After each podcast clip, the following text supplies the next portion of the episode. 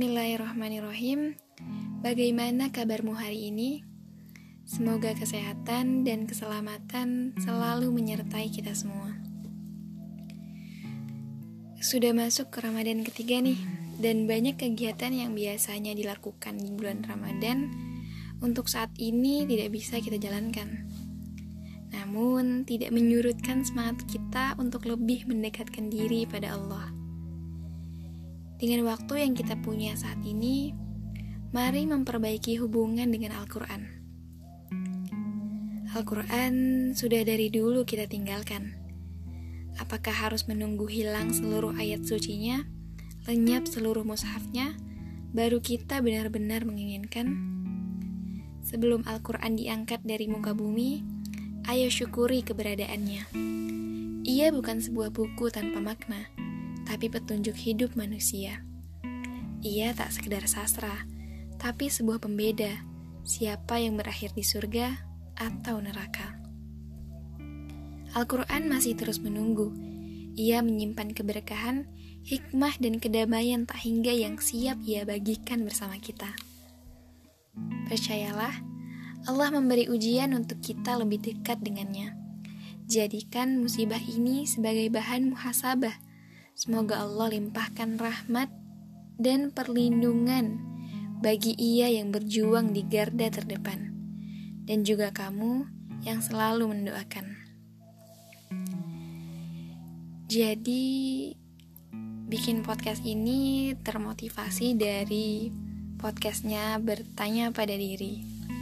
Nanti teman-teman bisa buka podcast bertanya pada diri. Jadi termotivasi untuk kapan kita mulainya kalau nggak mulai-mulai dari sekarang? Nah jadi aku bikin channel ruang kosong ini. Nah kenapa ruang kosong?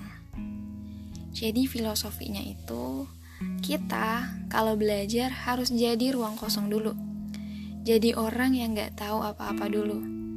Walaupun sebenarnya kita udah tahu dan udah pernah mempelajarinya namun, kita bisa mengosongkan ruang untuk ilmu tersebut masuk.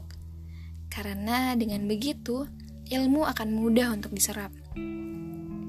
Kalau kita tidak mengosongkan ruang terlebih dahulu, ada kalanya kita menjadi orang yang sok tahu. Bahkan gak mau tahu lagi karena sudah merasa cukup dengan ilmu yang udah didapat.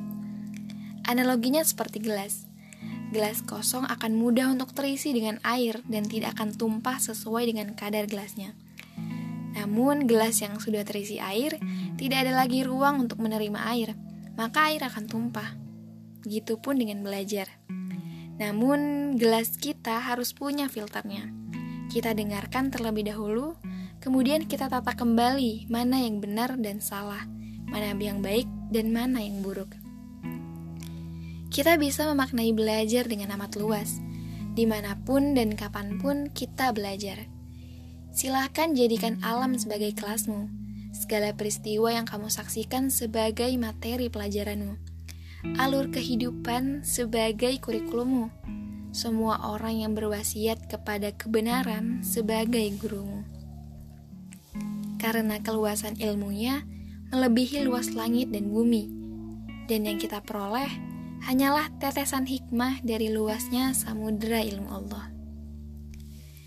Dari batu pun kita bisa belajar tentang ketegaran. Dari air ada teladan ketenangan. Dari tanah kita belajar makna kehidupan. Dari api kita belajar keberanian. Dari ibu kita bisa teladani makna kasih sayang.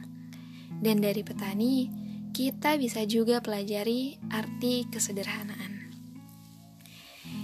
Jadi di podcast perdana ini kita awali dengan Kenapa harus mulai?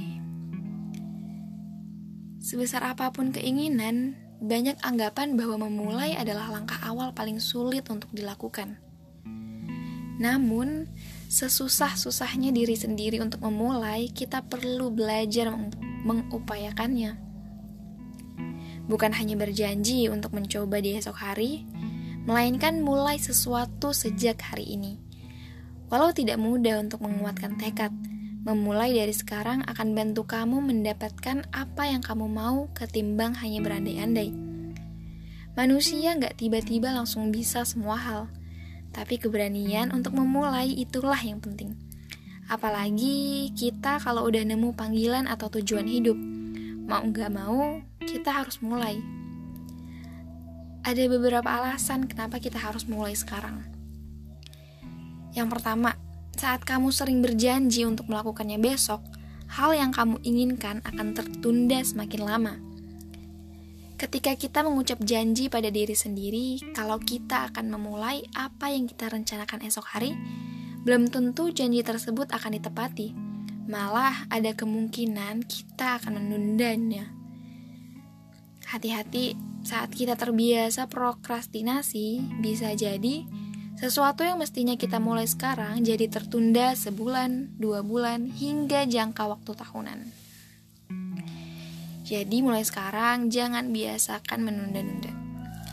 Yang kedua, kamu bisa menuai sukses lebih cepat kalau memilih untuk memulai dari sekarang. Memutuskan untuk memulai sesuatu dari sekarang bisa jadi membuat kita menuai sukses lebih cepat dari yang kita duga. Walau mungkin usaha yang kita lakukan tidak langsung besar, namun upaya kecil bisa menuntun kita pada gerbang keberhasilan secara perlahan. Karena itulah, jangan pernah meremehkan segala usaha yang kamu buat mulai hari ini. Kuncinya adalah memberanikan diri melangkah demi masa depan sendiri. Dan, yang terakhir, memang masih ada hari esok. Namun, ingatlah bahwa waktu yang manusia miliki terbatas. Benar adanya bahwa selalu ada hari esok untuk mencoba tapi sebisa mungkin jangan jadikan hal tersebut sebagai alasan kamu tidak mulai mengerjakan sesuatu sejak hari ini. Selagi kamu masih sempat dan mampu buat mulai sesuatu, lakukanlah dari sekarang. Tak ada seorang pun yang ingin merugi karena telah menyia-nyiakan waktu yang dimilikinya. Karena kita nggak tahu kapan ajal menjemput. Kematian adalah sesuatu yang misterius maka lakukanlah kebaikan meski banyak yang meremehkannya. Sebab engkau tak tahu kebaikan apa yang mengantarkanmu menuju surga. Kalau disuruh tidak melakukan apa-apa, tidak berkata apa-apa, tidak menjadi apa-apa, lalu ngapain kita ada? Maka asal halal dan legal, jangan takut melakukan hal-hal baru. Jangan takut mengatakan kebenaran dan jangan takut mengambil peran besar dalam hidup. Ada teladan yang bisa kita ambil pelajarannya dari beliau. Beliau dikenal dengan nama Ummu Mahjan. Meskipun sudah tua, tetapi semangatnya untuk berkhidmat kepada Islam selalu muda. Ummu Mahjan menyadari bahwa dirinya memiliki kewajiban terhadap akidahnya dan masyarakat Islam. Tapi beliau menyadari keadaannya yang serba terbatas. Lantas, apa yang bisa ia laksanakan? Menjadi pecutan bagi kita Beliau sedikit pun tidak pernah ragu dan bimbang, dan tidak menyisakan sedikit pun rasa putus asa dalam hatinya. Maka yang dilakukannya adalah senantiasa membersihkan kotoran dan dedaunan dari masjid dengan menyapu dan membuangnya ke tempat sampah. Beliau senantiasa menjaga kebersihan rumah Allah, sebab masjid menjadi peran penting dalam Islam. Di sanalah berkumpulnya pahlawan dan para ulama. Masjid ibarat parlemen yang sebanyak lima kali sehari digunakan sebagai wahana untuk bermusyawarah, saling memahami, dan saling mencintai. Sebagaimana pula masjid adalah universitas tarbiyah amaliyah mendasar dalam membina umat. Untuk itulah, Ummu Mahjan tidak patah semangat, sebab itu merupakan target yang dapat beliau kerjakan dan Ummu Mahjan terus-menerus menekuni pekerjaannya agar membuat suasana nyaman bagi Rasulullah dan para sahabat dalam bermusyawarah hingga beliau wafat. Jadi, jangan pernah meremehkan amal kebaikan sekecil apa pun dan ketahuilah bahwa kita diseru untuk menunaikan tanggung jawab dengan mencurahkan segenap kemampuan dalam rangka menegakkan bangunan Islam yang agung. Yuk kita ambil andil dalam berkhidmat kepada Islam dan membina umat. Jadi, jangan takut untuk memulai. Lakuin aja dulu. Misalnya di Ramadan tahun ini, kamu mau mulai belajar bahasa. Kasih waktu diri kamu belajar tiap harinya, minimal 10 menit tiap hari. Kamu mau mulai buat tulis buku? Mulai aja dulu dari buat narasi-narasi pendek tentang apa aja yang kamu ketahui. Dan masih banyak hal lain yang bisa kita lakuin.